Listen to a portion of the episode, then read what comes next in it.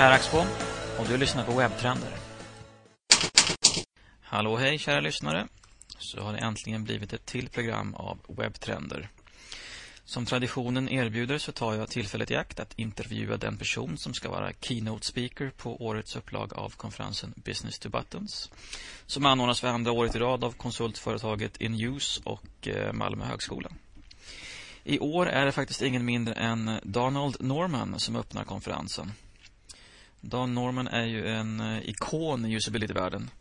Han är professor i kognitiv beteendevetenskap vid University of California, San Diego, UCSD. Han är professor i datasystemvetenskap vid Northwestern University i Chicago.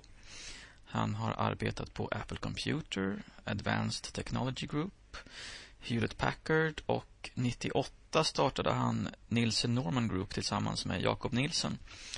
Han har fått massor av utmärkelser för sitt arbete och har skrivit ett tiotal böcker varav den i särklass mest kända är eh, The Design of Everyday Things. Ni vet den med en bild på en kaffekanna på omslaget. En av de mer inflytelserika böckerna inom användarcentrerad design.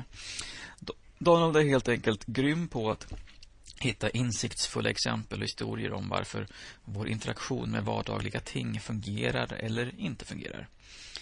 Hans senaste bok heter The Design of Future Things och innehåller flera underhållande historier den också. Bland annat om försiktiga bilar och griniga kök. Som just råkar vara både det första kapitlet i hans bok och rubriken för hans keynote på konferensen. Eh, på engelska blir det Cautious Cars and Cantankerous Kitchens. Jag blev lovad 20 minuter av Donalds tid och inledde med tre samtal till hans faxmaskin. Han var förstås väldigt ursäktande när han insåg vad som hände och lyckades förmedla rätt nummer till mig. Därför låter förmodligen inledningen av vårt samtal lite förvirrande. Tyvärr så var min Skype-uppkoppling inte klockren heller varför jag har varit tvungen att justera upp volymen på Dans röst i efterhand. Men min förhoppning är att detta inte ska vara alltför märkbart. I was calling your fax machine, right? Yeah. I have about, I have, let me think, one, two, three, four, five, six, seven, eight, nine telephone numbers here, and I. Oh wow. wrong one. Okay. Hello, thank you for doing this. Uh, I'm so glad uh, to get hold of you and that you can do this in such short notice as well. Let me just give you some background to who I am and why I'm doing this. So I'm a Swedish consultant. Uh, I work within the fields of usability and accessibility and user experience for the web.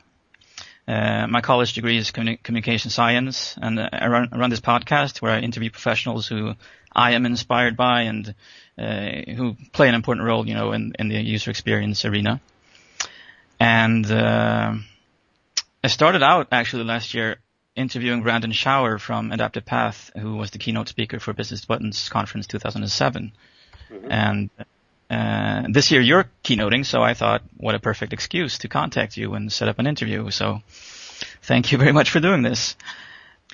And I realized in saying that now that I'm a user experience consultant, you're actually the person who coined that phrase, user experience. I learned that from Peter Merholz.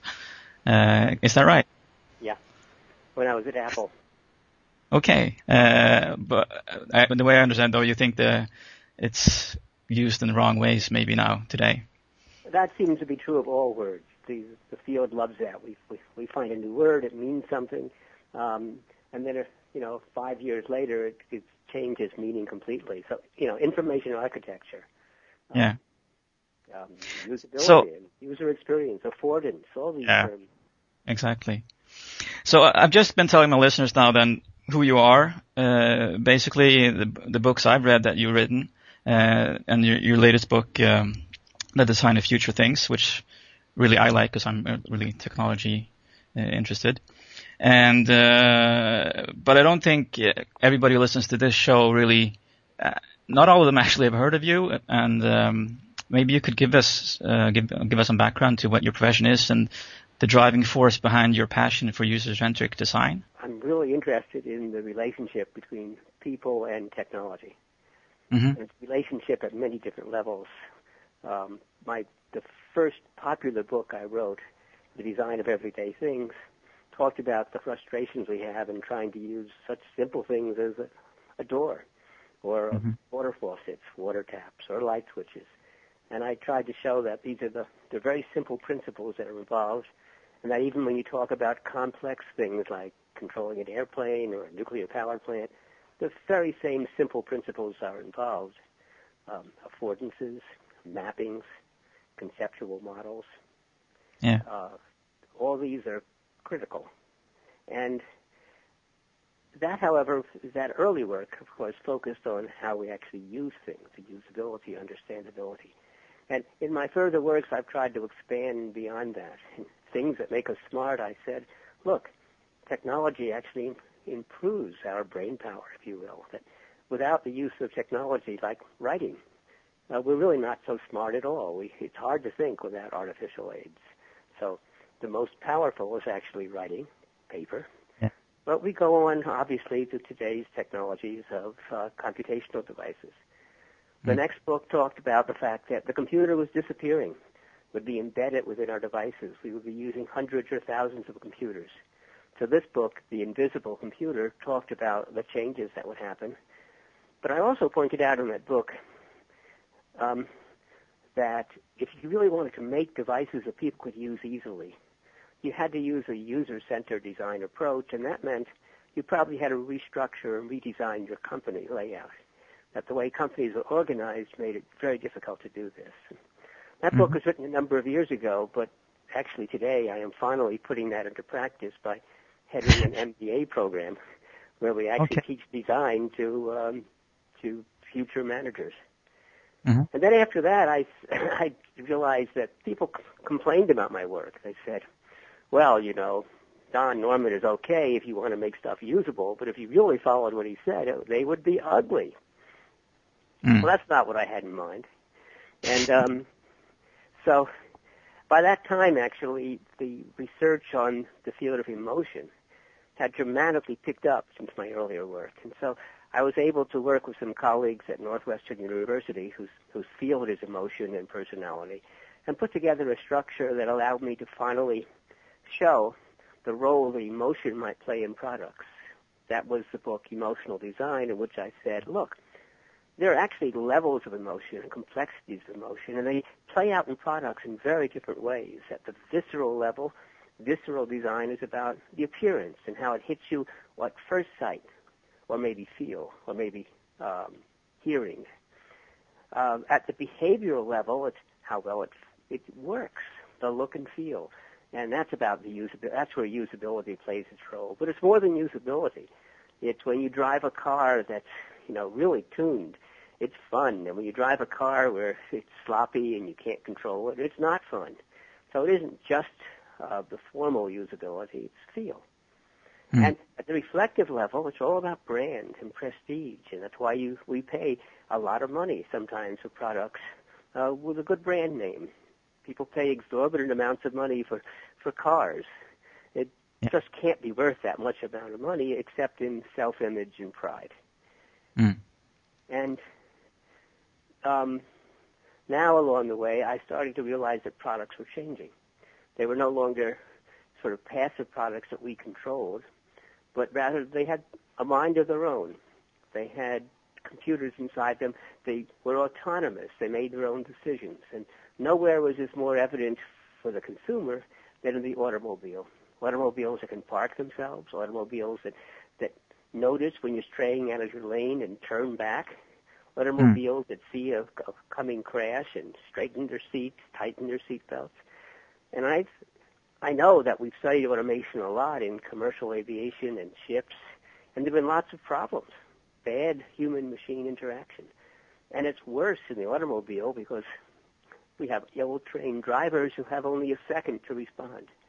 Yeah. And so the design of future things is looking at the role of automation in everyday home and automobile. And my newest work is actually taking a look at the way I'm trying to put it all together. And now that I'm working in an MBA program where um, a large amount of the, of the program is about operations, the smooth behind the scenes functioning.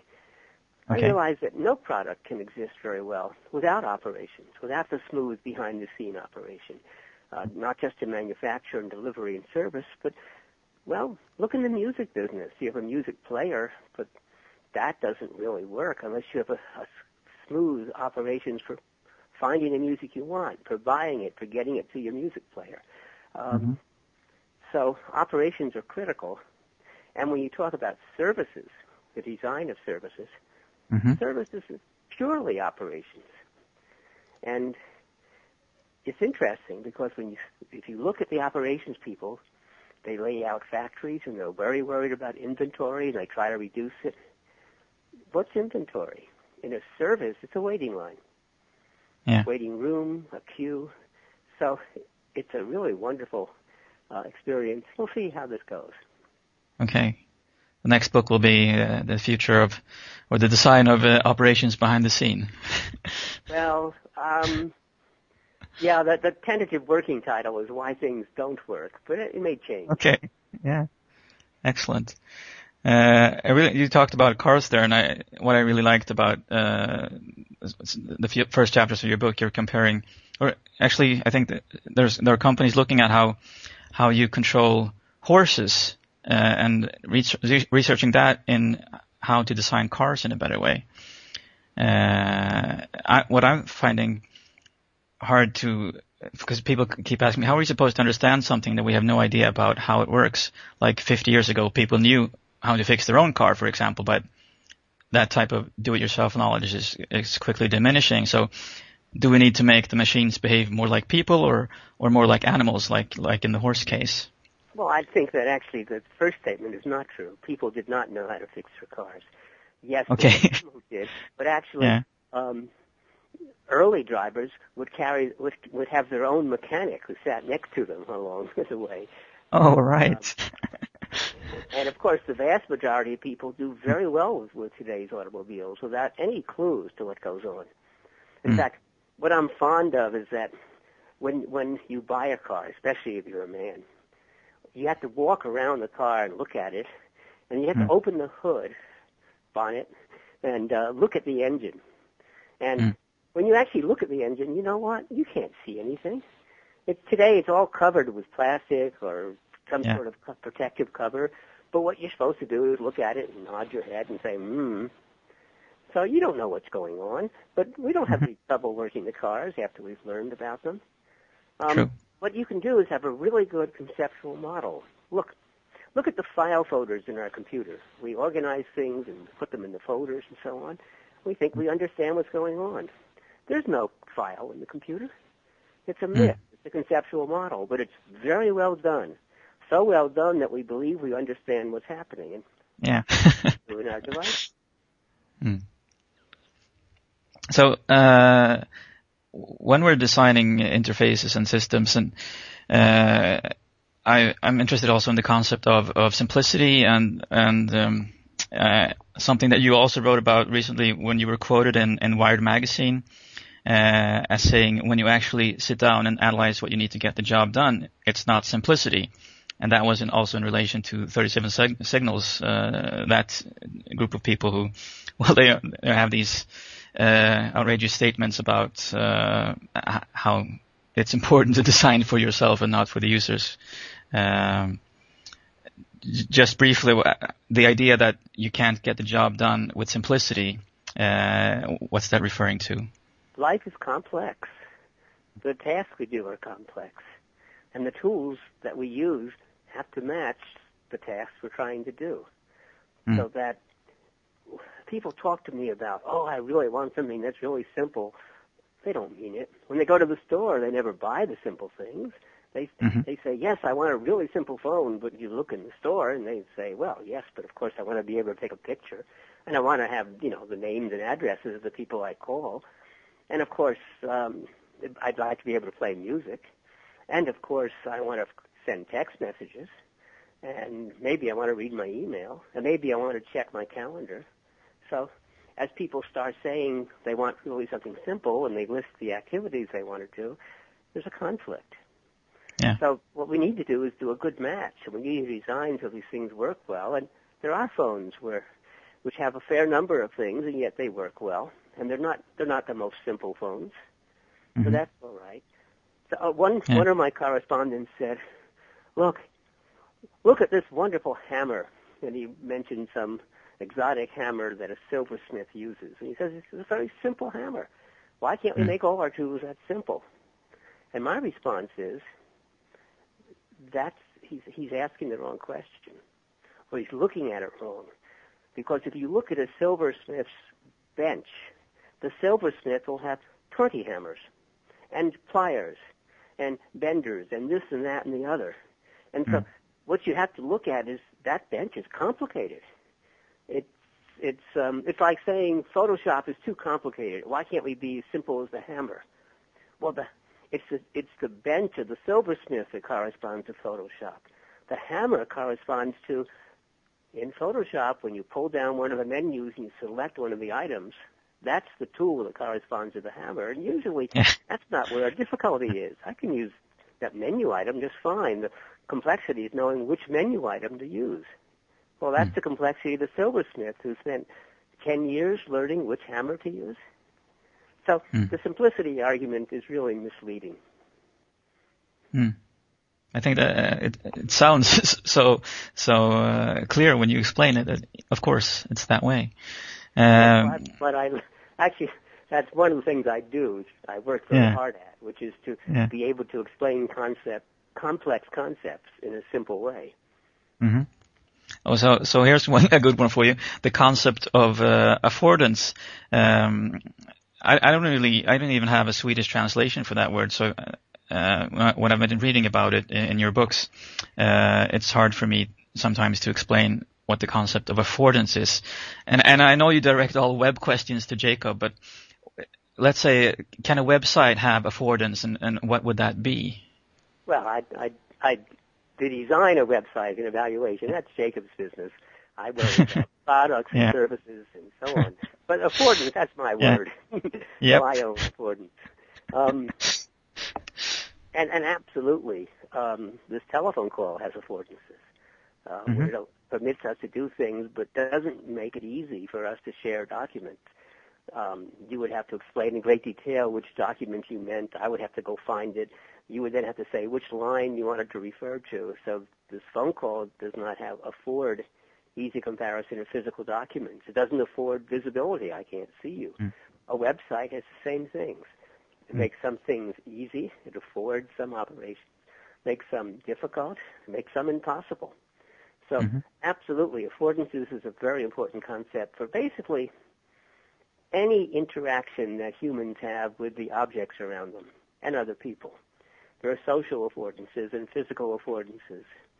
But Yeah. the reason affordance is so complicated is that people would like it to be a noun that refers to an object. So a designer w- w- likes to say, I put an affordance there, or there's Okay. an affordance missing there. But affordance is not a physical object. It's not a thing. It's a relationship. And that's what makes it hard to understand. That it's a relationship between, in this case, a person and an object, which could be the website uh, or a tool. So, as I'm fond of saying, a chair affords sitting. It may afford throwing or hiding behind. But it affords sitting for me. It wouldn't afford sitting for an elephant. And it's really not a, it wouldn't afford sitting for an ant. And Hmm. whether it affords throwing depends upon its size and weight and, and my strength. So it might Yeah. afford throwing, its throwability for me, but not for a young child.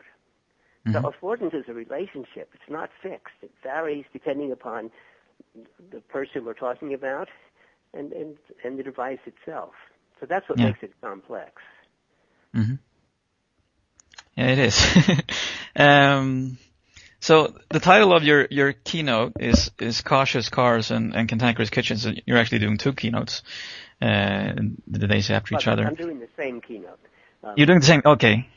Uh, the conference that's- split into two tracks, and they they asked if I would give the same keynote once for each track of people. ah, I see. I get it. Uh, and that's actually the, the title, title of the first chapter of your most recent book there. Um, what can we expect from you on the conference? What, or also, what are your expectations from the conference? Well, I always enjoy going to new conferences and meeting new people and learning new things. Uh, and what you'll hear from me is indeed um, my discussion about the way that automatic devices are not being well designed, and that in designing them, we there's a real problem with automation. Mm-hmm. I'm a fan of automation, and devices that can work completely by themselves simplify our lives, and in many cases make our lives safer.